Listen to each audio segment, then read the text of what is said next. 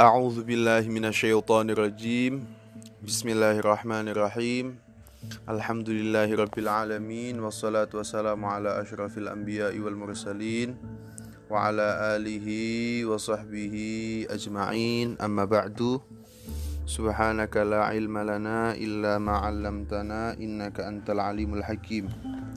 رب اشرح لي صدري ويسر لي أمري واحلل عقدة من لساني يفقه قولي. wala haula wala quwata illa billahil aliyil azim. Alhamdulillahirabbil alamin. Pada kesempatan kali ini di episode yang ketiga kita masih diberi kesempatan oleh Allah Subhanahu wa taala, masih diberi nikmat olehnya berupa kesehatan sehingga kita semua masih dapat mendengarkan uh, kajian bareng Semoga apa yang bisa saya sampaikan kepada jenengan-jenengan sedoyo bisa bermanfaat khususnya bagi diri saya pribadi dan pada seluruh kaum muslimin muslimat pada umumnya. E, kemarin sudah dijelaskan tentang mabadi ashrah dari ilmu balaghah ilmu yang kita pelajari ini namanya ilmu balaghah atau ilmu bayan. Ya. Faedahnya kita belajar agar kita mempunyai malakah kemampuan apa namanya yang dengan kemampuan itu kita mampu menyusun kalimat-kalimat pembicaraan-pembicaraan yang apa namanya eh, bisa membekas, bisa mempunyai dampak yang mendalam di dalam hati dan juga tentunya uh, juga kalimat-kalimat yang kita susun itu bisa indah menurut susunan bahasa Arab. Oke, selanjutnya kita akan masuk dalam pembahasan ilmu bayan. Sebelum kita masuk uh, hendaknya kita baca Fatihah dulu. Kita niatkan Fatihah ini untuk guru-guru kita semuanya, untuk orang tua kita, entah yang masih uh, sugeng ataupun yang sudah uh, sumareh, sudah tilar Semoga Allah Subhanahu wa taala senantiasa melindungi mereka dalam naungan rahmatnya. Amin. Ya rabbal alamin. Ala hadhihi niyya wa ala ma nawasalafuna salih bi asraril Fatihah. أعوذ بالله من الشيطان الرجيم بسم الله الرحمن الرحيم الحمد لله رب العالمين الرحمن الرحيم مالك يوم الدين إياك نعبد وإياك نستعين اهدنا الصراط المستقيم صراط الذين أنعمت عليهم غير المغضوب عليهم ولا الضالين آمين Bismillahirrahmanirrahim. Ilmul bayan. Al-bayan ilmun Yubhathu fihi anit tashbihi wal majazi wal kinayati. Kita sekarang masuk ke pembahasan ilmul bayan. Apa sih ilmul bayan itu? Al-bayan adalah sebuah ilmu yang di dalamnya dibahas tentang tashbih, majaz, dan kinayah. Sekarang kita masuk ke bab yang pertama tentang tasbih. Jadi ilmu bayan membahas tiga hal. Pertama tasbih, majaz, kinayah. Kita masuk pembahasan yang pertama yaitu pembahasan tasbih. At-tashbih apa sih yang dinamakan tasbih itu? Syabbaha yushabbihu tashbihan apa yang dikatakan sebagai tasbih adalah ilhaku amrin bi amrin fi wasfin bi adatin li gharadin. Wal amrul awal yusamma al musyabbah wathani al musyabbahu bihi. Wal wasfu wajah syabahi wal adatu al kaf au nahwahu. Nahwul ilmu kan nur fil hidayah fal ilmu musyabbahun wan nuru musyabbahun bihi wal hidayah wajhu syibhi wal kafu adatu tashbih sekarang kita masuk uh, dalam pengertian tashbih Apa sih tasbih itu? Tasbih secara bahasa maknanya adalah penyerupaan. Penyerupaan secara bahasa. Secara istilah apa yang dikatakan tasbih menurut ulama balaghah?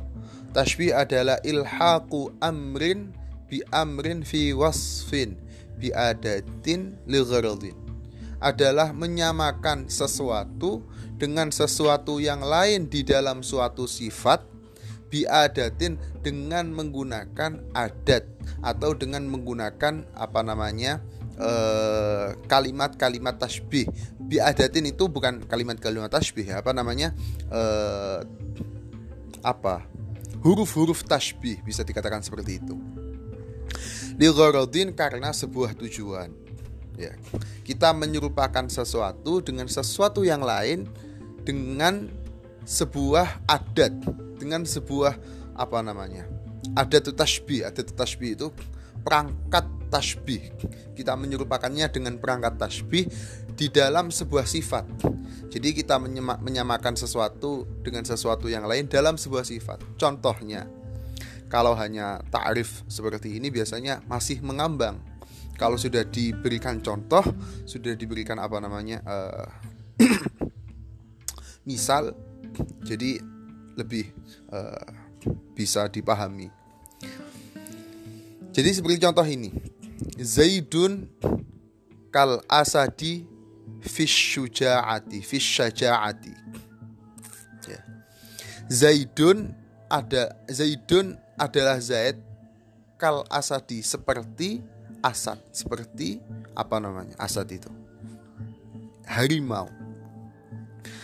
Jadi kita menyamakan Zaid dengan harimau dengan perangkat tasbih apa yang ada di dalam kalimat tadi yang saya sebutkan ada kaf di situ yang maknanya seperti ini kan Zaidun ka al asadi Zaidun kal asadi kita menyamakan Zaid dengan Asad Zaid itu seperti Asad. Menyamakan fi wasfin di dalam suatu sifat. Apa sifatnya?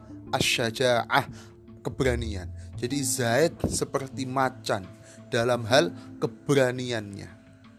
Ya. Jadi itu contoh daripada tasbih. Apa tadi tasbih? Ilhaku amrin bi amrin kita menyamakan sesuatu dengan sesuatu yang lain fi wasin karena ada sifat yang sama di antara kedua sesuatu tersebut. Wal amrul awal yusamma al musyabbah. Ketika kita mengatakan Zaidun kal asadi fi asyaja'ati Zaidun kalimat yang pertama yang kita serupakan Zaid dengan Asad Zaid ini yang kita serupakan namanya musyabbah sesuatu yang diserupakan secara bahasa maknanya al musyabbah adalah sesuatu yang diserupakan. Yang kedua, kal asadi. Kita menyamakan Zaid dengan apa? Dengan Asad. Asad harimau. Kita menyamakan Kang Zaid dengan harimau. Harimau ini yang dikatakan sebagai musyabbah bih. Musyabbah bih yang diserupakan dengan Zaid. Jadi Zaid itu diserupakan dengan apa? Dengan al-musyabbah bih. Apa? Al-asad.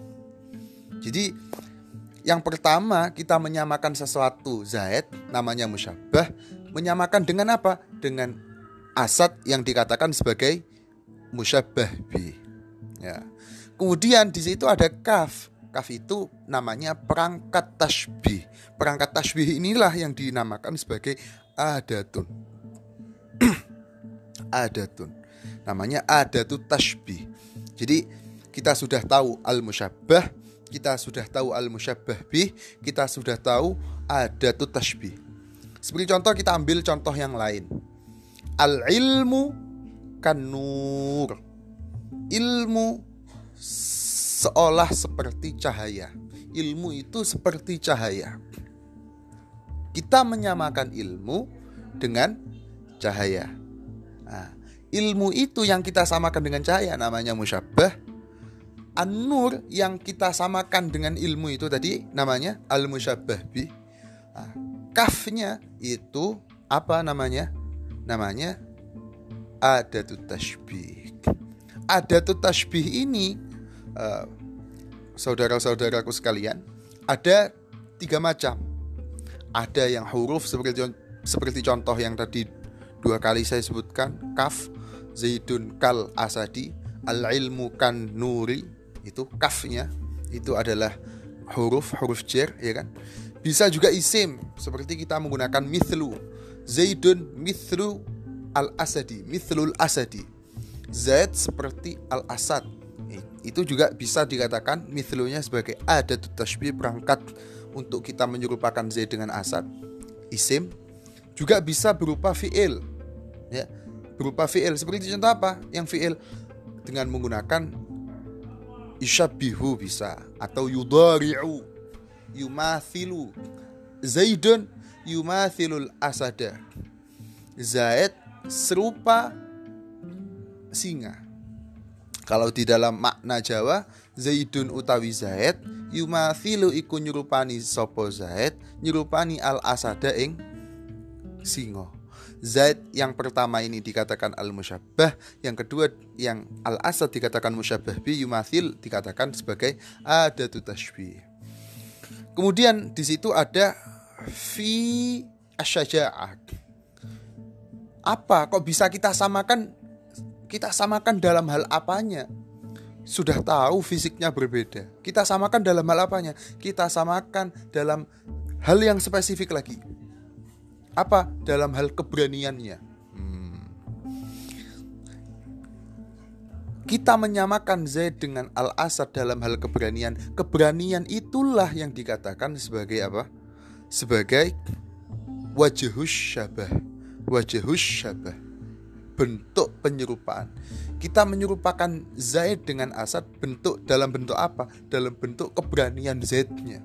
Dia seolah seperti macan seperti itu paham ya jadi sekaligus ini uh, sebagai apa namanya uh, pelajaran tentang rukun tasbih rukun-rukun tasbih arkanut tasbih arbaatun rukun-rukun tasbih ada empat. Yang pertama al musyabbah yang kedua al musyabbahu bihi. Yang ketiga apa namanya? Adatut tasbih. Yang keempat adalah wajahus syabahi Nanti tujuan kita menyamakan Zaid dengan Asad apa tujuannya? Ada di belakang di episode-episode setelah ini nanti akan dijelaskan insya Allah taala. Wa bitashbih thalathatu mabahitha. Al-awwal fi arkanih, fi aqsamih, fil gharadi minhu. Yang berhubungan pembahasan yang mempunyai keterikatan dengan dengan tasbih ini ada tiga pembahasan. Yang pertama adalah rukun, rukun-rukun tasbih yang tadi sudah saya sebutkan ada empat. Kemudian apa? Aqsamuhu uh, pembagian-pembagian tasbih, pembagian-pembagian tasbih. Yang ketiga adalah al-gharad. Tujuan dari kita mendatangkan kalimat tasbih ini. Kita pakai tasbih ini untuk apa? pembagian-pembagian tasbih yang kedua, yang pertama tadi rukun-rukun. Al-mabahatul awal fi arkani tasbih, pembahasan pertama kita uh, ulas kembali tentang rukun-rukun tasbih. Arkanu tasbih arbaatun. Rukun-rukun tasbih ada empat. Yang pertama ada al-musyabbah. Yang kedua ada al-musyabbah bih. Yang tadi sudah saya sebutkan al-musyabbah dan al-musyabbah bih ini wa yusammiya wa yusammayani tarafayit tashbih. Keduanya ini al-musyabbah dan al-musyabbah bihi dikatakan sebagai tarafayit tashbih. Ujung dua ujung tashbih. Dua ujung pokok daripada tashbih. Karena tashbih itu kalau tidak ada salah satu di antara musyabbah atau musyabbah bihi tidak bisa dikatakan tashbih, ya kan? Kalau kita menghilangkan zaid tidak bisa dikatakan tashbih ya kan kita menghilangkan uh, asad harimau juga tidak bisa dikatakan tasbih. Torofai tasbih di dalam bab tasbih ini wajib adanya karena apa? Kalau salah satu saja tidak ada maka sudah tidak bisa dikatakan sebagai tasbih lagi. Yang ketiga rukunnya adalah wajhus syabah. Wajhus syabah itu adalah uh, bentuk penyerupaan. Ya. Kita menyerupakan Zaid dengan harimau dalam hal apa? Kita menyerupakan ilmu dengan cahaya dalam hal apa? Ya kan? dalam hal apa ya? Ilmu kita samakan dengan cahaya? Dalam hal al-hidayah. Al-ilmu kan nur fil hidayah. Ilmu itu bak cahaya fil hidayah. Dalam hal apanya? Sama-sama memberikan petunjuk. Kalau gelap di malam hari tanpa cahaya kita tidak bisa jalan tentunya kan? Nah, tapi jikalau kita menemukan cahaya kita seolah-olah dapat petunjuk jalan. Oh, jalan di sini karena ada cahaya kita bisa lihat. Seperti itulah ilmu. Kalau seseorang tidak mempunyai ilmu, maka hidupnya gelap. Dia tidak tahu mau ke mana dia hidup itu. Jalannya ke mana. Ketika orang dibekali ilmu, maka orang itu tahu mau ke mana dia pergi, mau ke mana tujuannya. Jadi itu. Yang Ketiga adalah wajah tasbih tadi, wajah syabah atau wajah syabah sama saja. Bentuk penyerupaan. Yang keempat adalah al-adah, perangkat tasbih. Jadi ini adalah hal pokok yang harus diketahui seseorang yang hmm, belajar tentang bab ini yaitu rukun-rukun tasbih. Ada empat. Yang pertama al-musyabbah, yang kedua ada al-musyabbah bihi, yang ketiga ada uh, syabah, yang keempat ada al-adah. Al-adah ini perangkat tasbih. Kurang lebih seperti itu. Kita lanjutkan wa syabahi huwa al-wasfu al-khas alladhi qusida ishtiraku tarafaini fihi kal hidayah fil ilmi wan nur. Apa sih wajhu syabah itu? Ini diulas kembali. Wajhu syabah itu apa? Adalah sebuah sifat yang terkhusus, sifat khusus alladzi kusida ishtiraku tarafaini yang dipunyai oleh dua ujung tasbih. Saya katakan jadi dua ujung dua ujung tasbih tadi apa? Al musyabbah dan al musyabbah bi. Kedua ujung ini mempunyai sifat yang sama, mempunyai sifat yang khusus yang sama, ya kan? Seperti contoh tadi al asad dengan zaid, zaid dengan asad. Zaidun kal asadi. Dalam hal apanya? Zaid seperti Asad dalam hal keberaniannya. Dalam hal apa? Keberaniannya. Nah, itu keberanian adalah sifat khusus. Sifat khusus yang masuk pada diri Zaid dan juga harimau. Ya. Nanti kalau e, masuk dalam pembahasan mantik, atashbih ini, pembahasan ilmu bayan ini, pembahasannya itu adalah dalam e, nanti ada namanya e, adalah adalah kemarin. Adalah itu adalah fahmu amrin min amrin. Nah, mudahnya seperti itu. Memahami sesuatu dari sesuatu yang lain. Atau kaunu syai'i bihaitsu yufhamu minhu syai'un akhar. Kalau di kitab apa namanya Dhuabitul Fikr. Dhuabitul Fikr. Adalah memahami sesuatu dari sesuatu yang lain yang pertama tadi atau kita memahami satu, ketika kita paham satu hal, kita paham hal lain. Itu yang dikatakan sebagai dalalah. Dalalah itu ada dalalah yang lafziyah, ada yang dalalah ghairu lafziyah. Yang lafziyah ada yang dalalah wad'iyah, ada yang dalalah wat apa lafziyah yang wad'iyah, ada yang akliyah, ada yang tab'iyah. Begitu pula yang dalalah ghairu lafziyah, ada yang wad'iyah, ada yang apa namanya? Uh, akliyah, ada yang tab'iyah. Itu nanti pembahasannya di mantik. Karena kenapa kok mempunyai keterikatan dengan mantik? Karena tasbih ini kalau diruntut di dalam ilmu mantik itu nanti masuknya ke dalalah lafziyah yang apa? Wad'iyah, dalalah lafziyah yang wad'iyah. Dalalah lafziyah yang wad'iyah itu ada tiga. Ada yang mutat apa? Tatabuqiyah ada yang taudomuniyah, ada yang iltizamiyah. Nah, tasbih ini masuk dalam taudomuniyah dan iltizamiyah. Kita tentu nggak bahas ini karena nanti terlalu panjang dan mungkin terlalu bulat karena ini hanya suara jadi uh, akan lebih sulit memahaminya. Nah, jadi kalau di dalam ilmu antik tasbih ini masuk ke uh, yang taudomun dan iltizam, taudomun dan iltizam. Seperti itulah. Wa adatu tashbih. Apa sih adatu tashbih? Hiya lafzul ladzi yadullu ala makna al-musyabah. Adalah lafat yang menunjukkan atas makna penyerupaan. lafat yang menunjukkan atas makna penyerupaan apa? Seperti contoh kaf tadi. Seperti. Mislu seolah. Kaanna seolah-olah. Ya kan? Banyak sekali lafat-lafat yang menunjukkan atas makna musyabah termasuk lafat syabah itu sendiri. Misalkan zaidun yushabihu al asada sama saja. Ya, ya. itu namanya ada tashbih. Seperti contoh apa? Kal kaf wa ka'anna wa ma fi ma'nahuma dan yang semakna dengan kaf dan ka'anna. Ya. Mungkin cukup itu saja pembahasan tasbih kali ini ya. Kita membahas tentang rukun-rukun tasbih yaitu ada empat al musyabbah al musyabbah bihi yang kedua yang keduanya ini dikatakan sebagai torofai tasbih dua ujung tasbih yang ketiga ada ada tu tasbih yang keempat ada al wasfu tadi atau yang kita kenal sebagai wajhut tasbih semoga yang sedikit ini bisa bermanfaat khususnya bagi diri saya uh, umumnya kepada uh, kalian semua.